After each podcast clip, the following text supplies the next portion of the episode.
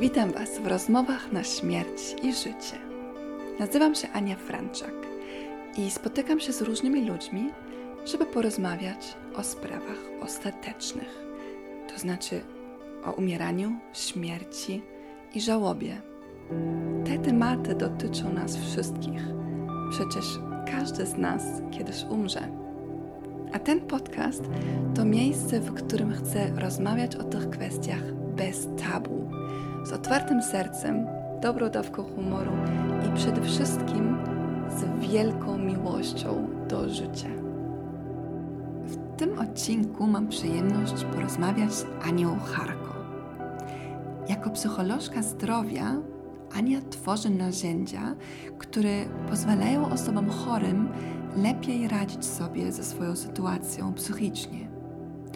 Ania założyła fundację, która się nazywa Ludzie i Medycyna i też prowadzi podcast, więc ten odcinek jest trochę wyjątkowy, ponieważ dostępny będzie w dwóch miejscach.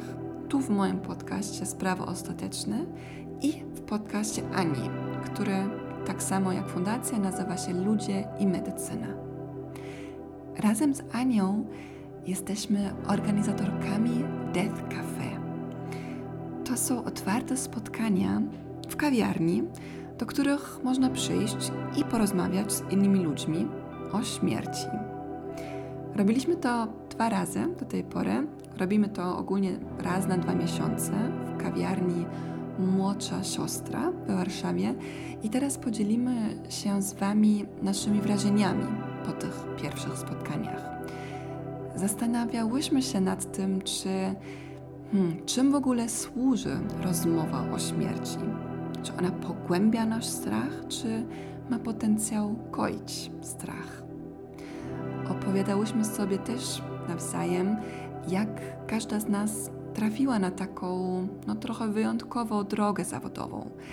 Więc tym razem możecie dowiedzieć się też trochę więcej o mnie, o mojej historii i o mojej pracy jako towarzyszka w żałobie.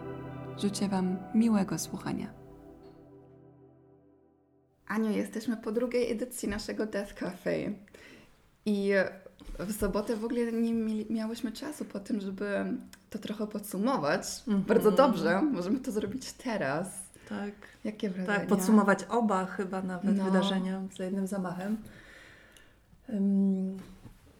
Ja, y, ja, wiesz co, wynoszę takie wrażenie taki, ciepła. Hmm. Chyba to jest takie dominujące uczucie, jakie mam po, tych, po tym, co robimy, po tych spotkaniach. Y, bo tam się dzieje coś takiego, takiego dobrego między ludźmi. I to nie jest y, nasza zasługa. My dałyśmy tylko impuls, żeby to się zadziało, tak. a tak naprawdę to ci ludzie, którzy przychodzą, oni to przynoszą, oni to tworzą. I y, y, mimo, że teraz w sobotę było, byli inni ludzie, poprzednio byli, in, poprzednio byli inni ludzie, nikt chyba nie był dzisiaj z, tej, z tego poprzedniego zestawu, to, to, to, co wszyscy mieli wspólnego ze sobą nawzajem, to była taka, e, taka otwartość, szacunek dla innych mm i taka no, chęć, żeby, żeby, żeby naprawdę rozmawiać w takiej przyjaznej atmosferze. I to ciepło, to, zosta, to zostaje. Tak, no. zgadzam się. Tak? Mam dokładnie takie samo odczucie. Może dla tych słuchaczy, którzy jeszcze tak. nie wiedzą, co to jest Dead Cafe, spróbujmy to może trochę mhm. opisać. Kiedy mhm. ty pierwszy raz słyszałaś w ogóle o tej inicjatywie? E, chyba od Ciebie.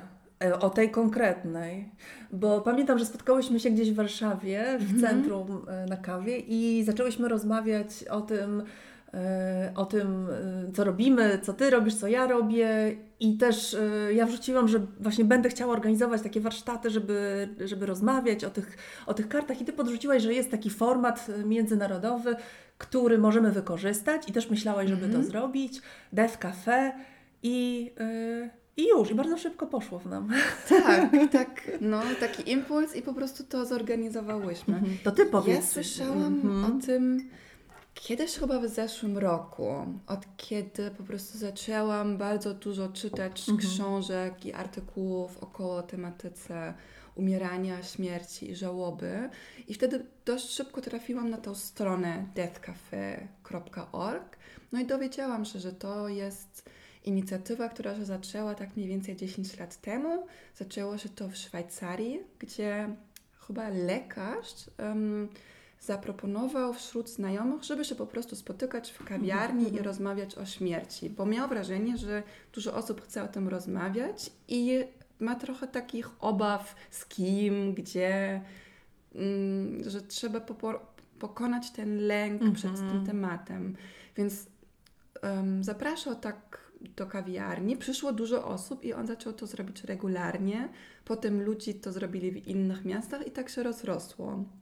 I teraz to się dzieje na całym świecie. Tak, tak. I w Polsce coraz więcej, bo y, doszłyśmy z czasem, że nie tylko my to robimy, że są jakieś też w Warszawie inne wydarzenia pod tą nazwą. Tak, widać na stronie, mhm. że um, jakaś pani y, Katarzyna robiła to już kilka razy w mhm. Warszawie. Myślę, że prędzej czy później musimy się też spotkać Właśnie, z nią. Tak, tak, tak, tak, tak, No, więc pierwszy nasz krok to było chyba znalezienie miejsca, nie? więc mhm. sprawdzałyśmy tak. kilka kawiarni. Jeszcze pamiętasz, zastanawiałyśmy się, czy by, był taki też pomysł gdzieś, czy nie zrobić takiego death, death over dinner.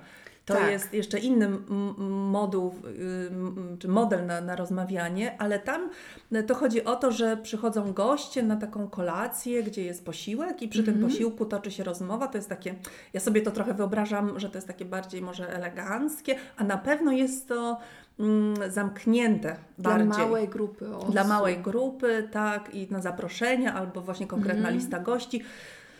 Natomiast nam bardzo zależało na tym, jak rozmawiałyśmy, żeby to było takie otwarte, żeby właśnie mhm. trochę też pójść na żywioł, zobaczyć, kto przyjdzie, ile osób przyjdzie. Nie miałyśmy pojęcia też w ogóle. To, tak, było będzie, to było bardzo, bo nie, nie no. było żadnych zapisów e, i nie ma do dzisiaj, czy przyjdzie jedna osoba. Na pierwszym spotkaniu było prawie 30 osób, czyli tyle, co tak. założyłyśmy. Tak. Na drugim była jakaś piętnastka chyba, tak e, ja sobie mhm. policzyłam mhm. E, w głowie. Ale wiesz co? Jeszcze y, jedną mam taką myśl przy tych wszystkich wydarzeniach, które ja organizuję. Mm, ja sobie zawsze mówię, jak przyjdzie jedna osoba, to ja jestem z tą osobą jakby mm. w pełni. Rozumiesz? Tak. Ja się cieszę z tej jednej osoby. I mam już takie doświadczenie, że czasem rzeczywiście przychodziła jedna osoba na jakieś, na jakieś akcje, ale to była ta osoba właśnie, z którą ja dalej mogłam coś robić, która mm. wniosła jakiś wkład w rozwój jakiegoś mojego projektu.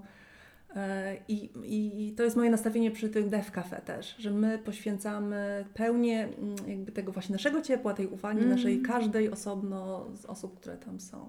Tak, mi jest też no obojętnie, czy przyjdzie jedna mm. osoba, czy pięćdziesiąt. Tak.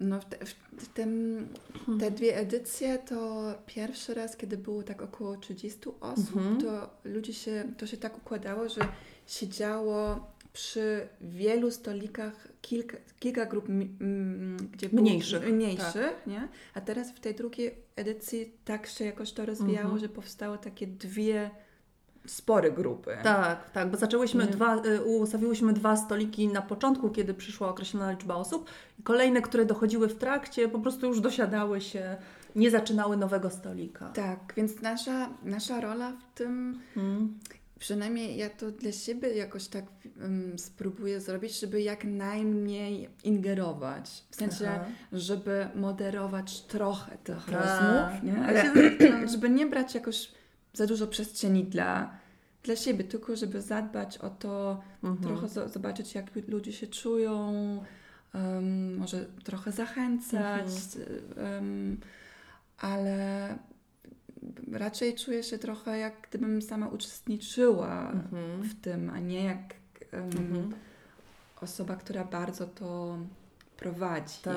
A wiesz, że zastanawiałam się nad tym też, też po tym ostatnim spotkaniu. Mhm. moja rola się troszkę zmieniła. Ja na pierwszym raczej byłam, czułam się taką współuczestniczką rozmowy. Mhm. Tutaj też, na tym drugim, ale jednak widzę, że gdzieś, mm, i to mi czyjś komentarz później uświadomił, taki pozytywny komentarz, mm że, że jednak wzięłam trochę na siebie moderowanie rozmowy przy naszym stoliku. To się działo tak trochę mimowolnie. Mm I zastanawiam się, czy uczestnicy tych spotkań tego potrzebują, takiego wspierania rozmowy, czy przez moderowanie, czy przez karty, z których czas, też e, czasem korzystamy, czasem nie A korzystamy. Tym razem korzystaliście z tych kart? E, nie tyle z, z kart, co z y, tematu. Tam był taki wyłożony temat na stoliku, w naszym przypadku to był pogrzeb i ciało mhm. i do tego się jakoś tam odnosiliśmy, tak. Mhm. A z kart, ale y, pamiętam, y, y, pamiętam, że po pierwszym spotkaniu te karty z takimi, bo my mamy, przygotowujemy takie kartki, gdzie jest, są tematy wywoławcze, tak jakby, czy pytania. I one są z Twojego projektu trochę innego, tak, nie? Te karty. Tak, Może tak. powiedz tak krótko, żeby Dobra, to było to jasne zaraz, to... zaraz o nim jeszcze powiem, tylko mhm. chciałam powiedzieć, że na tym pierwszym spotkaniu ludzie nam w ankietach napisali, że te karty były pomocne. Tak. Y, może dlatego, że wtedy nie, przy, przy kilku stolikach nie było nikogo do moderacji, ani ciebie, ani mnie. I wtedy no. y, uczestnicy rozmowy mogli sięgać y, po karty, żeby tak trochę się wesprzeć, żeby może zacząć rozmowę albo zagaić jakiś temat, jak była cisza, bo no cisza się też pojawia. Mm. I... To co jest na tych kartach? Tak, dobra, to powiem, y, powiem o kartach, bo tak to trochę łączymy. Ja rzeczywiście rozwijam taki projekt, który nazywa się Rozmawianie o śmierci Cię nie zabije. I w tym projekcie tworzymy mm, ja i moja taka partnerka w projekcie Barbara Obarska mm, tworzymy narzędzie, które pomoże ludziom rozmawiać o śmierci. I to narzędzie to jest talia kart. W talii będzie około 40 kart, takich standardowych, standardowych jak, jak talia do do tarota trochę to będzie chyba wyglądać, w tym kierunku idziemy. Um, I na każdej karcie będzie jedno pytanie. Mhm. Pytanie na przykład, co jest dla Ciebie ważniejsze, jakość życia czy długość życia? Mhm. To jest przykładowe. Nie wiem, czy akurat to ostatecznie wejdzie do, do, do, do to zestawu. bardzo dobre pytanie. E, na pewno ten obszar jest e, wart rozmawiania, to jest, mhm. to jest na pewno, ale czy samo pytanie w tym kształcie? Nie wiem jeszcze, dlatego że testujemy cały czas te karty i zastanawiamy się, jak powinny brzmieć i jakie, jaki zakres pytań tam powinien być. No ale podam taki przykład, bo, bo takie pytanie, albo na przykład, o, może być taki obszar, jak, jak chcę zaplanować przyszłość mojego zwierzaka, kiedy mnie zabraknie. Na przykład. Zostawiamy różne rzeczy po sobie, różne mm. rzeczy. No powiedziałam tu akurat, zostawiamy bliskich, zostawiamy zwierzęta, ale mm. rzeczy też, dobytek. Więc to są też takie praktyczne rzeczy, o których można porozmawiać. Um, Mówimy w, tym, w tych kartach, chcemy mm, y, podjąć takie obszary dotyczące ostatnich e, momentów życia i opieki właśnie takiej medycznej. Um, później chcemy podjąć obszar właśnie praktycznego zarządzania tym i pochówkiem, i, i, i, i swoim ciałem, i, i z tym, co zostaje po nas, ale też będzie cały obszar poświęcony pamięci. Mhm. Tej refleksji, jak chcemy, żeby nas pamiętano, co chcemy po sobie zostawić, co dla nas było ważne, co przekazać, co przekazać tak, tak. No i no i tam jeszcze kilka takich dochodzi, już teraz nie wszystko nadwzięłam sobie samą, ale otwieram komputera, żeby sięgać po to, bo to tak to, co pierwsze mi przychodzi z pamięci. Mm, I tych kart będzie 40, więc w czasie takiej jednej rozmowy albo uda się ze wszystkich skorzystać, albo uda mhm. się głębiej porozmawiać na wybrany temat mhm. spośród tych wszystkich. Może być też taki wariant. Um, um, używania tych kart, że my nie, nie um, rozmawiamy o każdym temacie czy o wybranych, ale sortujemy. To jest taki model użycia, że bierzemy wszystkie karty stali i mamy je ułożyć na trzy takie, tematyczne. takie kubki. Nie tematyczne, tylko, że, tylko według innego klucza. To jest dla mnie bardzo ważne, to jest dla mnie średnio ważne, to jest dla mnie nieważne. Okay. A dla kogo one są? Jaka jest mhm. grupa docelowa mhm. tych kart? Ja mam w głowie, tak, właśnie, kto chce, kto chce, kto potrzebuje rozmawiać. Mm, ja mam w głowie przede wszystkim osoby chorujące, mhm. czyli pacjentów, którzy mają diagnozę poważnej choroby. I to niekoniecznie musi być choroba prowadząca do śmierci szybkiej, więc to niekoniecznie jest propozycja rozmowy dla osób, które w bliskiej perspektywie widzą e, swoją śmierć. Mhm.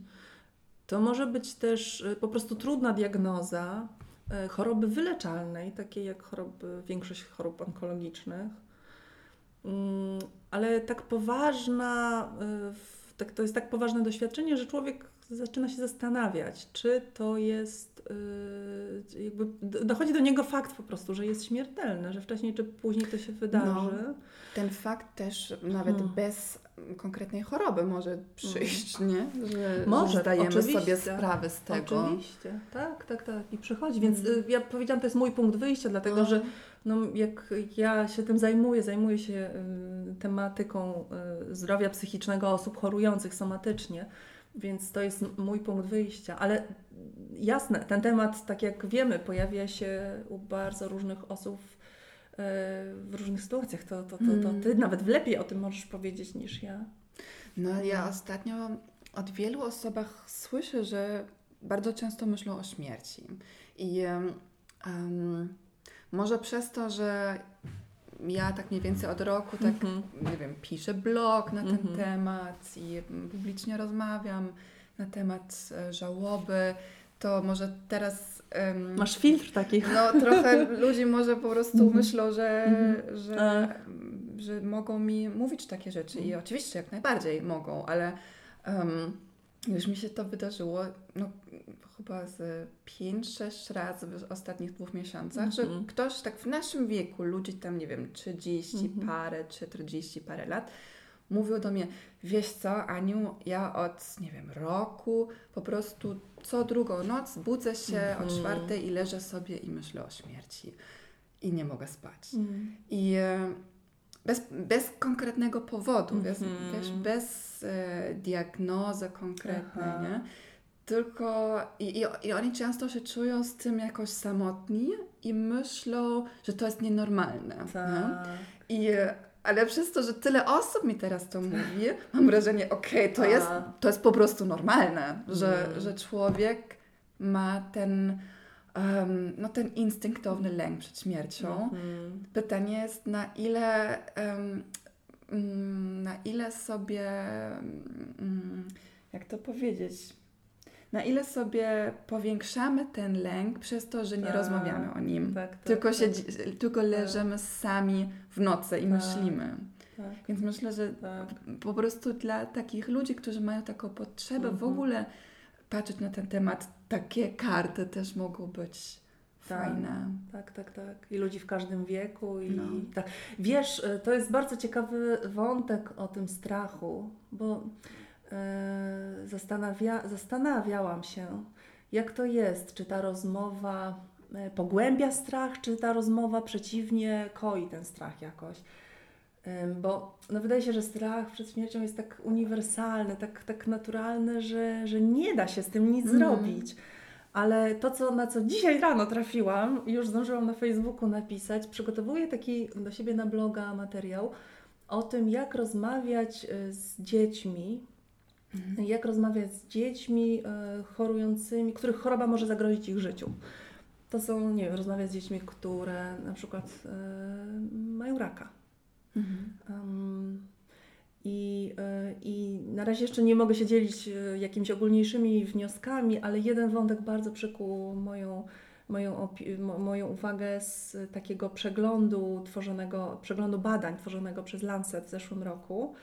I oni, y, badacze tam w, w, w, jednym badaniu zapytali rodziców dzieci, które mm, miały raka i które umarły na raka. To było prawie 100 rodziców. I zapytali, jaka, jaka była korzyść z rozmawiania o tej śmierci wcześniej. Mhm. I ci rodzice powiedzieli, że jedną z korzyści było to, że te dzieci mniej się bały. Przez rozmowę, tak? tak? Przez otwartą, szczerą rozmowę mniej się bały, więc dla mnie to jest takie e, no wow, ktoś, to, ktoś, mm. ktoś tego doświadczył tak. i tym się dzieli i to nie jest mała grupa e, ludzi, więc to jest coś, co możemy, na czym możemy już się oprzeć i powiedzieć tak, warto rozmawiać, będąc chorymi, chorym, e, z naszymi chorymi bliskimi też, bo to może pomóc im po prostu w tej mm. sytuacji. No to dla mnie to, no. mnie to oczywiście nie mam teraz mm. jakichś takich mm. dowodów na taką teorię, mm. że rozmowa mm. pomaga przy lękach, mm. ale mnie to tak instynktownie przekonuje, -hmm. że kiedy jesteśmy w sytuacji trudnej i dzielimy się innym człowiekiem, naszymi emocjami, to no przynajmniej ja się czuję potem lżej. Um, nie, nie, tylko jeżeli chodzi o, o kwestie związane ze śmiercią. Mhm. W ogóle o trudne tematy.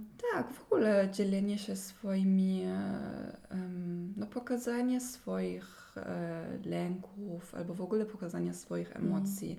A to, to z kolei jest coś, z czym wielu ludzi ma problem, nie? żeby pokazać swoją słabe, swoje słabe strony w pewnym sensie. Ta, ta, ta część na, tak. nas, która się, która się boi, która, um, która cierpi. Mm. No, staramy się pokazać się jako, nie wiem, osoby silne, mm -hmm. zdrowe, wesołe, mm -hmm. a życie ma wiele innych wymiarów też. Tak, tak.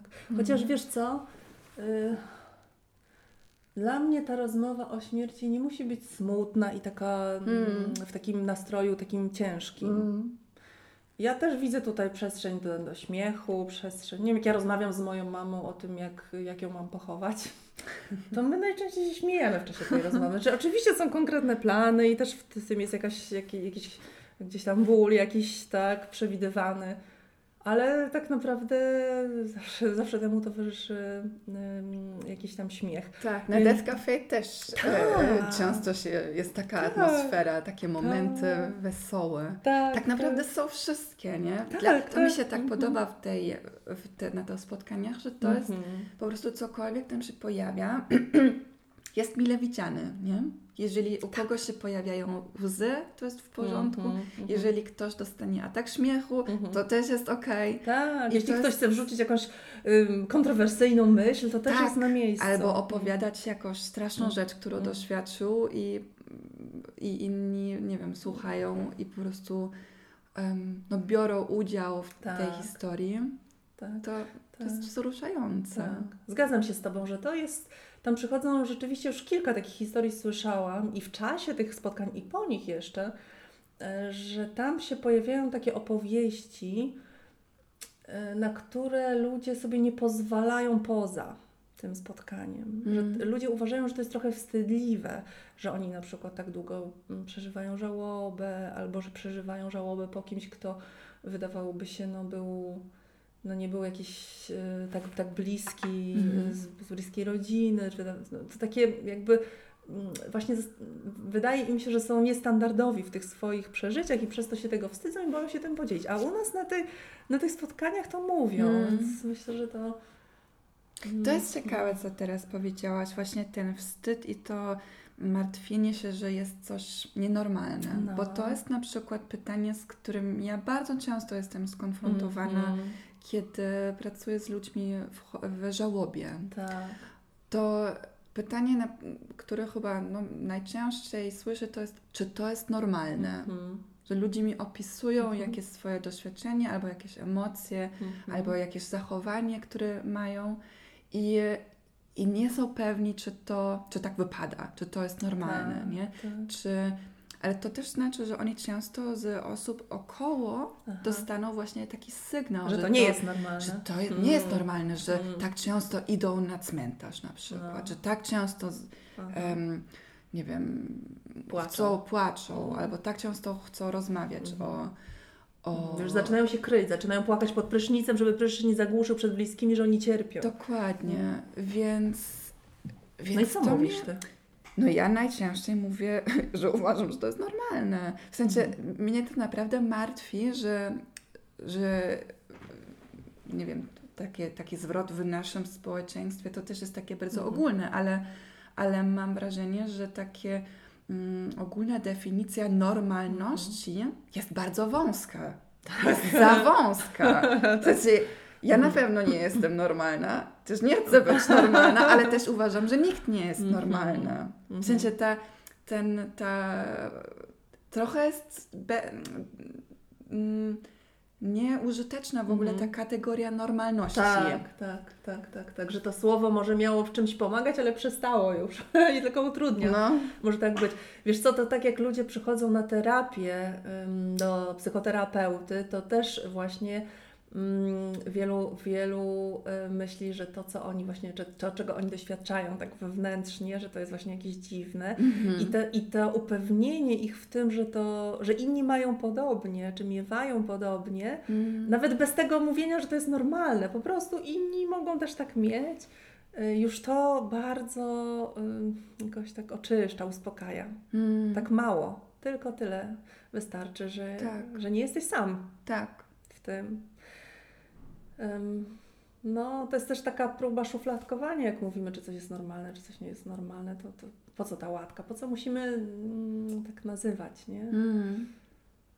Tak, myślę, że dużo Mm. osób em, w żałobie doświadcza coś Mhm. takiego, że czują taką, takie oczekiwanie albo nadzieję osób około nich, Mhm. żeby oni jak najszybciej wrócili do normalności, Tak, nie? tak. Żeby jak najszybciej pewnym sensie skończyli Mhm. żałobę, cokolwiek Mhm. to znaczy. Dla, moim, dla mnie to taki, taki pomysł, żeby skończyć żałobę jest, jest problematyczny. Mhm. I, em, No to opowie, opowiedz coś więcej. no na przykład em, no kilka miesięcy temu rozmawiałam ze starszą panią, która straciła męża. I, e, i jej dzieci, dorośli dzieci, martwią się po prostu tym, że mama teraz bardzo często płacze i e, że na przykład w szafie cały czas ma ubrania męża i zawsze kiedy otwiera szafę, to wącha te ubrania i, i płacze i, i wspomina męża. Więc te dzieci zdecydowali, że tak nie powinno być Mhm. i przyjechali i po prostu zabrali wszystkie te ubrania. Ojoj. I dla mnie to jest jakiś, Mm. nawet jakiś rodzaj przemocy, w sensie... Ani jednego nie zostawili? Mm, Nie pytałam, do, nie Mm. pytałam dokładnie, Mm. ale, ale pytałam, no a kiedy zmarł Mm. mąż? I okazało się, że cztery miesiące temu. Mm. I e, więc, więc te oczekiwania Mm. tych dzieci albo innych ludzi, żeby, żeby kobieta, która żyła przez 45 lat ze swoim mężem, żeby po czterech miesiącach Mhm. wróciła do normalności, to skąd to się w ogóle. To jest, to jest jakiś absurd w Absurd. mojej No tak, tak, e, tak. percepcji. Tak. Ale wiesz Takie- co? Ja, mm, ja totalnie jakby, ja tak samo uważam jak ty, ale też potrafię zrozumieć, wydaje mi się, tych bliskich, te dzieciaki tej kobiety. Tak, bo bardzo trudno jest Tak. widzieć bliską nas Tak, osobę, która, cierpi. Tak, nie? tak. I też nie mamy żadnych informacji, żadnych klucz, klu, żadnego klucza. Nie wiemy, jak to mogłoby wyglądać, czego się spodziewać. Jest strach. No wiesz, pamiętam jak mój tata zmarł, to ja to sobie też zadawałam takie pytanie o mamę, czy to jest jeszcze żałoba, czy to już jest depresja? Czy ja powinnam e, jakoś Mm. mocniej zainterweniować? Jakiś, wiesz, nie wiedziałam tak, czy muszę coś robić, czy, czy co mam robić. Ten towarzyszący, bliski jest, Mm. jest też bezradny wtedy. Tak, i myślę, że Mm. ta bezradność to jest to No. najtrudniejsze u nas, kiedy. No bo chcemy nawzajem sobie Mm. pomagać, chcemy, żeby nami było dobrze, chcemy, żeby tym Mhm. osobom, których kochamy, żeby im było dobrze. A kiedy jesteśmy skonfrontowani z takimi Mhm. sprawami, którzy są większe Tak. od nas, Mhm. śmierć, no to jest coś, wobec czego Hmm. no jesteśmy bezradni. No tak. Medycyna No- się rozwija, co jesteśmy coraz więcej w stanie zrobić, Tak. ale pokonać śmierć to nie możemy. Nie wiem, czy kiedykolwiek to będzie możliwe, ale... I nie wiadomo, czy byśmy chcieli tak naprawdę. No tak, to jest inne jeszcze Mm. pytanie, no. Ale czekaj, wie, wiedza y, może być pomocna, prawda? Ja tak Mhm. uważam, że wiedza zazwyczaj pomaga. I zawsze pomaga, może nawet bym powiedziała. E, I mm, pamiętam, że jak się spotykałyśmy na początku, to ty mi uświadomiłaś, że teraz się mówi o, y, w innych kategoriach się mówi o żałobie, że ja jeszcze na studiach uczyłam się, na studiach psychologicznych uczyłam się tego modelu fazowego śmierci, Mhm. a teraz, y, znaczy żałoby, a teraz y, odchodzi się od tych, od, nie mówi się o tych fazach, tylko Mhm. mówi się o zadaniach, o ile dobrze pamiętam. Tak, no jest kilka takich Mhm. modeli. W sensie ten model tych faz żałoby, Mhm. on powstał no, 50 lat temu, w lat 60. Elizabeth Kubler-Ross. Tak, która ciągle jest w Polsce popularna. Tak, tak. No i jest w tych książkach jest wie, bardzo wiele mądrych Mhm, aspektów. mhm. jednak ten model tych faz ma kilka wad, Mhm. bo on sugeruje, że to się dzieje jakoś linearnie, że najpierw Tak. jest to, potem jest to i że to idzie w jakimś przewidywalnym kierunku. Mhm. I em, ona sama w swoich książkach. Czyli tam są takie jakieś zaprze- zaprzeczenie. y, Tak, na- y, gniew, tak, mhm. agres, e, depresja, m, później Pogodzenie jakieś tak, potem, do, mhm. to doprowadzi Mhm. ostatecznie do jakiejś, jakiegoś rodzaju akceptacji. Mhm. I ona sama w swoich książkach już podkreśliła, że to jest, że to jest teoria. W sensie, Mhm. że to, em, że każdy człowiek jest indywidualny, że może przeżywać te fazy ró- różnie, Em, ale często kiedy ten model jest przedstawiany na przykład na Mhm. wykładach, on jest przedstawiany w taki sposób, że to jest po prostu A, B, A, C, tak, D, E. tak. Więc ludzie czasami mają w głowie właśnie ten model i spróbują znaleźć Pasować się. siebie w Mm. tym i odkrywają, że to nie, ma bardzo mało wspólnego z tym, co doświadczają, bo osoby, osoby w żałobie często doświadczają taki ogromny chaos emocjonalny i takie zmiany nastroju bardzo często w ciągu jednego dnia, nie? Że rano jest tak, pół godziny później jest tak. Potem się pojawia moment, gdy czują się lepiej, nagle widzą coś, co im przypomina osobę, za którą tęskną i wpadają w, w ogromną rozpacz. Mhm. I e, w sensie te fazy wydarza, e, one się dzieją dużo bardziej chaotycznie i Mhm. w innej mm, freki- frekwencji, bym Mhm. powiedziała, niż, niż można by oczekiwać, Mhm. widząc ten, ten model. Mm, Więc takie teorie, które, albo takie modele, które mi się wydają bardziej praktyczne, Mhm. to są właśnie takie modele, które opisują, że w żałobie mamy różne zadania, Tak. różne wyzwania, Mhm. z którymi musimy się skonfrontować. I na przykład jedno wyzwanie to jest, żeby ułożyć sobie teraz życie na nowo bez tej osoby. Na przykład to jest bardzo, mm, to jest bardzo trudne zadanie, jeżeli, to, jeżeli zmarł nasz partner i nasze codziennie życie było tak ustrukturyzowane, że jedna osoba ma konkretne swoje, nie wiem, zadania, że jedna osoba w domu się zajmowała tym i tym, druga osoba miała swoje obszary. Teraz, kiedy tej osoba nie, osoby nie ma, to Mhm. musimy to wszystko strukturyzować na nowo. Inne wyzwanie to są emocje, z którymi musimy teraz sobie poradzić. I tam się pojawia cały wachlarz bardzo różnych emocji. Inne zadanie to jest, żeby zbudować taką trwałą więź wewnętrzną z tą osobą. Jak dbać o pamięć, jak, em, hmm, jak na przykład być świadomie tego, co ta osoba nam dała, czego się nauczyliśmy od tej osoby. No i tak można, tak można stworzyć takie różne mm, właśnie obszary tych zadań, ale tempo i Mhm. kolejność, w której, w której osoba w żałobie podejmuje te, te zadania, to jest bardzo indywidualne i to jest takie nieprzewidywalne. Więc to, co na przykład ja robię z, z osobami, z którymi pracuję, to spróbujemy w tym chaosie emocji i myśli stworzyć trochę, trochę taką strukturę i Mhm. zobaczyć, ok, to dotyczy właśnie emocji, to, co teraz się pojawia, to dotyczy takich praktycznych kwestii, Mhm. to dotyczy kwestii wiary. Um, więc tak, takie modele powstały w Mhm. latach 90. i zostały rozwinięte przez psychologów w Ameryce, w Niemczech, ale w Polsce mi się wydaje, że są bardzo mało znane. To Mm. znaczy nie ma tłumaczeń tych książek na razie. Nawet. Mam Hmm. nadzieję, że to się No, w, pojawi Pol- w jeszcze. Polsce też ym, nie ma zawodu, który ty próbujesz stworzyć. Hmm. E, towarzysza żałoby. Tak, towarzysz Ża- w żałobie. w. W sensie Mhm. mm, tą nazwę ja trochę przetłumaczyłam po Mhm. prostu, bo po, po niemiecku to się nazywa Trauerbegleiter.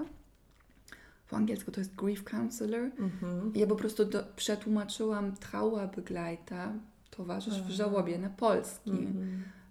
mm, może jest jeszcze jakaś lepsza no, nazwa tego, towarzysz nie? jest świetny, jest dużo lepszy niż doradca, bo, yy, bo ty nie mówisz tym ludziom, jak ma być, tylko ich prowadzisz. Dokładnie. Prowadzisz w ich doświadczeniu, w ich przeżyciach. No to jest tak. myślę, że to... Ja w ogóle mam takie wrażenie, że, mm, że dużo, że, że każdy z nas ma w sobie ten, ten głos, który mm. mówi mu, co nam robi dobrze. Ten instynkt, nie? To, że teraz musimy płakać. Teraz jest czas, żeby um, nie wiem, właśnie jeszcze przez kilka miesięcy mieć te ubrania w szafie i tak, wspominać, tak. nie? I, I ten, ale ten głos w nas często mówi tak bardzo cicho. Mm. I zdarza się często, że te osoby około nas są głośniejsi mm. mówią nam, już nie powinnaś płakać, już nie powinnaś chodzić codziennie na cmentarz. I ja się staram mm, wspierać ludzi w tym, żeby bardziej słuchali swój wewnętrzny głos, bo on zwykle jest bardzo mądry. Hmm. Podkręcasz głośność. Hmm, no, głosu. tak.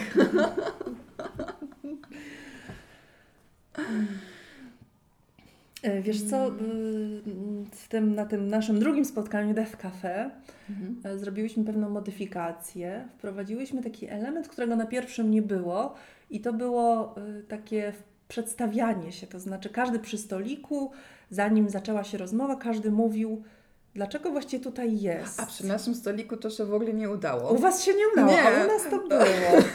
Ale to było dobre, wiesz, że to było.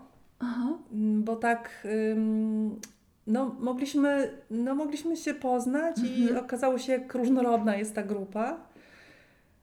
I też przestrzeń na wypowiedź znalazły osoby, które, osoby, które później mniej się wypowiadały, mhm. więc to bardzo, to bardzo fajnie wyszło. Fajnie. A u nas no. było tak, że jedna osoba się przedstawiła i od razu inni mieli pytań i się rozkręciła rozmowa, aha, nie? Aha. Więc, więc ja w pewnym momencie powiedziałam, ok, to może daj mi, posłuchajmy jeszcze aha. co e, pan, dlaczego przyszedł i znowu się zda zdarzyło to samo, że rozkręciło się. Okay. Więc ja czasami starałam się zwrócić tak do kolejnej -hmm. osoby, ale po prostu ta mówić. grupa była taka żywa, nie? Że, że... No też miałaś większą trochę grupę niż ja. A może? Nie tak, wiem. trochę była tak? większa, tak. Ale wiesz, no. pomyślałam sobie, że to jest może też um, e, fajnie, jakbyśmy my też powiedziały teraz, e, dlaczego my jesteśmy w tym. Co ty myślisz hmm. o tym? No. Co nas... jak, jak w ogóle trafiłyśmy tak. na taką drogę. Tak, tak. Chciałabyś tak. zacząć może? Tak. No u mnie to, to jest bardzo związane z moją osobistą historią, mm. bo ja kilka lat temu sama przeżywałam taką bardzo skomplikowaną żałobę po stracie dziecka i ja się w tej żałobie zgubiłam. W sensie ja byłam taka zagubiona w tym procesie, właśnie słuchałam bardzo dużo, co inni mi mówią. Y, nie słyszałam tego swojego wewnętrznego głosu, który mnie kierował. Mhm. Wtedy jeszcze. Mm, wtedy w ogóle dużo bardziej słuchałam innych osób niż dzisiaj. Byłam bardzo niepewna siebie. Miałam mało zaufania do, do swojego instynktu. I, i w, no, w związku z tym, w, w, w tej żałobie, to hmm, no w pewnym sensie naprawdę się zgubiłam. Hmm. Też się bardzo rozchorowałam i e, zajęło mi to no, kilka lat, żeby jakoś wyjść, no wyjść, znowu teraz sama mówię wyjść z żałoby, mimo że tak naprawdę nie wierzę w to, że się da do końca wyjść mm, z mhm, takiej głębokiej straty. Ale powiedzmy, że wrócić do takiego życia, w którym mniej więcej funkcjonowałam, mm -hmm. że znowu mogłam chodzić do pracy, byłam zdrowa i tak dalej. Um, I wtedy pierwszy raz usłyszałam o tym zawodzie, bo spotykałam się z kobietą w Niemczech, która doświadczyła coś podobnego, -hmm. też straciła dziecko i ona wtedy dostała bardzo dużo wsparcia. Między innym dostała kontakt do towarzyszki w żałobie, Aha. która pracowała z nią od samego początku wspierała ją przy takich praktycznych kwestiach typu organizacja pogrzebu Mhm. tego dziecka, ale potem jeszcze przez kilka miesięcy regularnie się z nią spotkała i ją trochę kierowała w tym procesie żałoby. Mhm. Ja, kiedy słyszałam o tym zawodzie, to no miałam takie olśnienie, nie? takie wow, ja to muszę zrobić. Mm. Takie, trochę może takie em, tego, czego ja sama nie miałam, to teraz chciałabym dać innym. Mhm. Więc, więc zaczęłam szukać informacji, zgłosiłam się na, na, te, na to szkolenie, przyjęli mnie do tej szkoły i potem przez rok chodziłam em, na, na szkolenie w Niemczech. No i w trakcie tego roku poznałam tyle fascynujących osób, którzy Mm. pracują gdzieś em, około tematu umierania, w Mhm, hospicjach mhm. albo w zakładach pogrzebowych i em, odkryłam, że tak w mojej percepcji to jest mega ważna praca, Mhm. w sensie umożliwianie ludziom takie godne pożegnanie się i wspieranie, wspieranie ludzi właśnie w tym procesie wewnętrznym też pożegnania się. Mm. No i miałam, miałam wrażenie, że, że brakuje tego w, Mhm. w Polsce. Mm. Więc, więc stwierdziłam, że spróbuję coś takiego stworzyć. Mhm. A sama korzystałaś z pomocy takiego towarzysza czy towarzyszki w żałobie? W swoim... Więc kilka lat no, później Mhm. spotykałam się z, z taką towarzyszką w żałobie. Ja, ja ko- korzystałam Mhm. z, po prostu z terapii w, Mhm. w, w Polsce. Em, ale też słyszałam od różnych osób, że właśnie terapeuci nie zawsze wiedzą, jak pracować w żałobie. Mhm. Że nawet się zdarza, Aha. że ktoś szuka terapeuty i usłyszy, proszę wrócić do mnie, kiedy pani kończy żałoby.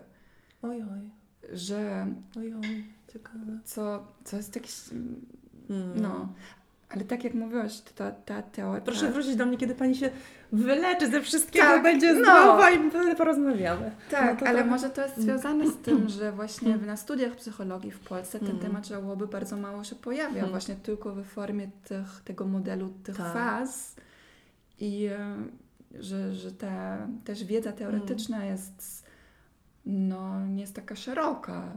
Wiesz co, y, wiedza to jedno, y, ale jaką, jakaś coś w rodzaju takiej odwagi wewnętrznej, żeby podjąć taki temat, chyba jest jeszcze potrzebne.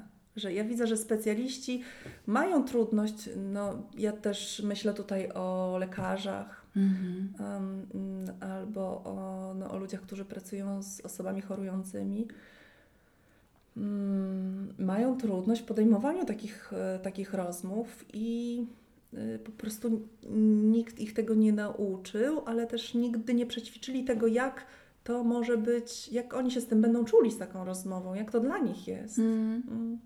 W ogóle sobie tak myślę, bo, bo cały obszar, mnie interesuje ten obszar medycyny y, i nie tylko od strony pacjenta, ale też w ogóle ten dialog lekarza z pacjentem, więc ja też myślę, y, śledzę jakie są różnego rodzaju interwencje, które wspierają właśnie specjalistów, ekspertów, lekarzy czy opiekunów y, takich mm, instytucjonalnych w, w, w rozmowie, w Mhm. komunikacji z pacjentem. I powiem Ci, że z olbrzymią radością znalazłam na stronie tej inicjatywy Death, Death, Death Over Dinner, o której mówiłyśmy, że oni robią osobne wydarzenia dla mm, lekarzy. Czy dla Wow. przedstawicieli zawodów medycznych. No. Więc mi się to marzy w ogóle, żeby w tym kierunku jeszcze Tak, pójść. to. No, zrób że to. y, no właśnie, że, bo to jest tak, a może i dla psychologów, słuchaj, przy psychoterapeutów, bo to jest tak, że jeśli sam nie zmierzysz się ze sobą, jakby jak to jest dla Mhm. ciebie, z tą swoją myśl, z tym swoim myśleniem o śmiertelności, Mhm. o własnej śmiertelności, to nie będziesz mógł rozmawiać z innymi. Tak. To, to trochę jest tak, więc może, może takie dev cafe mogłybyśmy w tym kierunku pociągnąć trochę też, To jest wiesz, dobry pomysł. no, dla tej grupy No. zawodowej właśnie. O, to Mhm. mam się pomysł razie no. właśnie. No, dalsze. A to jest tak, że ja myślę, że też to, czym się chciałabym podzielić ze słuchaczami tej audycji, że nam się dobrze współpracuje jakoś, nie? No, No, byłyśmy nawet takie zdziwione, że tak idzie, bo tak tak jakby tu właściwie nie trzeba wiele załatwiać i tak samo się robi jakoś. Tak, tak, tak jakoś, jakoś tak się fajnie uzupełniamy. Tak. No? no właśnie i też nawet się śmiałyśmy, że my tak do tego tematu śmierci trochę z, każda z innej strony podchodzi, bo ty od strony straty, żałoby, mm. a ja od strony osób przygotowania, przygotowania na własną śmierć, tak, kiedy jest ta choroba. Więc to tak y, mamy te takie bardzo ciekawe, że to jest, y, że te obie perspektywy się nam tak łączą. Mm. No. To powiedz jeszcze, jak ty trafiłaś no. na tą drogę. E, na tą drogę, tak. Trudno powiedzieć, to nie było chyba u mnie jedno wydarzenie. Na pewno gdzieś na całym moim takim rozwoju i, i decyzjach, które podejmuję teraz, za, e, zaważyło to, że ja mam chorobę genetyczną. Taką, to jest taka choroba nerek, y, wielotobielowatość nerek i to jest taka choroba, właściwie dosyć dobra choroba, bo ona co prawda jest nieuleczalna, ale, ale dosyć wolno się rozwija.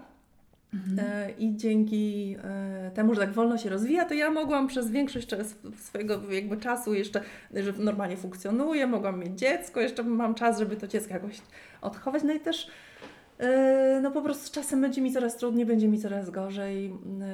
Z czasem zacznę być dializowana, potem być może będę miała, znaczy na pewno będę miała przeszczep, jeśli tylko będę w odpowiednim stanie i stan polskiej transplantologii będzie na odpowiednim poziomie. Więc to jest taka droga, którą widzę przed sobą, jakaś trudna i bolesna, mhm. Mm, tak fizycznie i też tak psychicznie bolesna. A od kiedy wiesz? Mm, ja wiem, ja wiem o tej chorobie gdzieś od 12 roku życia, to czyli byłam nastolatką, kiedy się dowiedziałam i widzę teraz, że ona naprawdę nałożyła taki filtr na moje życie i te myśli o tym, mm, o tej własnej śmiertelności, chociaż w moim przypadku to nie jest taka bliska perspektywa, mhm. E, ale one mi po prostu zaczęły naturalnie towarzyszyć i, mhm. i towarzyszyły mi i potem właśnie niecałe dwa lata temu czy już nawet dwa lata temu, jak mój tata, który był chory na to samo, mhm. E, umierał, no to te myśli stały się, e, umierał z powodu komplikacji związanych tam po podrzuceniu przeszczepu z y, nerki. Mhm. Mm, to te myśli stały się takie bardziej, bardziej silne i też mhm. uznałam, że coś z tym chcę zrobić. Mm, I tak przyświeca mi zawsze taki, tak, takie myślenie, żeby tworzyć y, narzędzia, że to, co ja mogę, to, co ja mogę dać innym i to, w czym się odnajduję, to nie jest taka, bez, to nie jest taka pomoc, jakby. Ja uważam w ogóle, że ja nie jestem osobą od pomagania, tylko jestem osobą, która uświadamia ludzi, ludziom chorym, że oni sami, sami sobie mogą pomóc. Mm-hmm. I że to jest ta właściwa mm-hmm. pomoc, to znaczy oni sami, nie ja. A ja mogę im tylko coś podpowiedzieć, pokazać mm-hmm. i mhm. dostarczyć jakichś narzędzi. I tak myślę o tych kartach które teraz tworzę, że to jest takie narzędzie, że ono pójdzie w świat. Taki drogowskaz. Taki drogowskaz. Ale że, jeżeli tak. czy, czy, ta osoba potem idzie tak, tą drogą, to tak, na to nie mamy tak, wpływu. Tak. Ale wiesz, chodzi o to, żeby y, trochę u, jakby usamodzielnić ludzi w, tym, w tej rozmowie, w tym poruszaniu tych tematów, że oni biorą taką, takie karty mhm. i mogą spróbować. Tam jest taki krótki przewodnik do tego, i będą mogli spróbować właśnie porozmawiać z bliskim, namówić bliską osobę, czy, zaprosić ją do takiej rozmowy. Um, że to będzie też narzędzie właśnie może i y, już nie może, ale na pewno wiem, że to w tym kierunku idzie dla właśnie psychologów, psychoonkologów, psychoterapeutów, którzy pracują z y, osobami chorującymi, psychotransplantologów, psychokardiologów, cała grupa mhm. E, cała grupa ludzi, w ogóle wszystkich zawodów medycznych, to ludzi pracujących w hospicjach. Mhm. Mm, o, więc tak, tak o tym myślę, narzędzie. To jakie hmm. masz plany? Jak, jak chcesz to rozwijać? To może o takich najbliższych planach mogę powiedzieć. W mhm. ogóle może jeśli ta publikacja naszego, naszej rozmowy ukaże się, mm, tak, przed jeszcze się ukaże, na pewno 7 y, lutego mhm. będę robić takie spotkanie, rozmawiamy o śmierci i to spotkanie będzie będzie warsztatem, na którym wykorzystamy właśnie tę talię kart w wersji takiej prototypowej i będziemy y, korzystać już bezpośrednio z kart i używać ich do rozmawiania. Y, I, I też, to jest otwarte, tam to jest otwarte, przyjść, tak, tak, tak, tak, tak. Informacje są na mojej stronie, na, na moim Facebooku Ludzie i Medycyna. To jest siódmego, każdy, absolutnie każdy może przyjść. To jest 7 lutego o godzinie 17 w, kawi- w klubu kawiarni międzypokoleniowej na Anielewicza. Bardzo fajne miejsce. Fajne miejsce, tak, tak. No i mam nadzieję, że nie tylko ci, którzy przyjdą, no, skorzystają y, z tego, że będą mogli porozmawiać, ale też, y, też że te karty zostaną udoskonalone dzięki y, informacji zwrotnej. No i w tym momencie niestety skończyło się nagranie. Nie wiem jak to się stało, jakiś błąd techniczny, bardzo przepraszam. No, tak wyszło. Brakuje po prostu ostatnich kilku minut naszej rozmowy, w której ogłosiłyśmy kilka wydarzeń, więc zrobię to po prostu teraz jeszcze raz. Więc tak, 7 lutego o godzinie 17 Ania prowadzi warsztaty pod tytułem Rozmawiajmy o śmierci w międzypokoleniowej klubo-kawiarni na Muranowie we Warszawie. To spotkanie będzie bezpłatne i otwarte dla wszystkich. I e, wszystkie detale, informacje możecie znaleźć na profilu Ludzie i Medycyna na Facebooku. A ja z kolei przygotuję dla Was wykład na temat żałoby oraz warsztaty, które zaplanowane są na przełomie lutego i marca. Wkrótce będą konkretne informacje, więc zapraszam, zapraszam Was do śledzenia mojego profilu Sprawy Ostateczne na Facebooku i na Instagramie. Mam nadzieję, że podobała Wam się nasza rozmowa. No, ściskam Was. Do usłyszenia.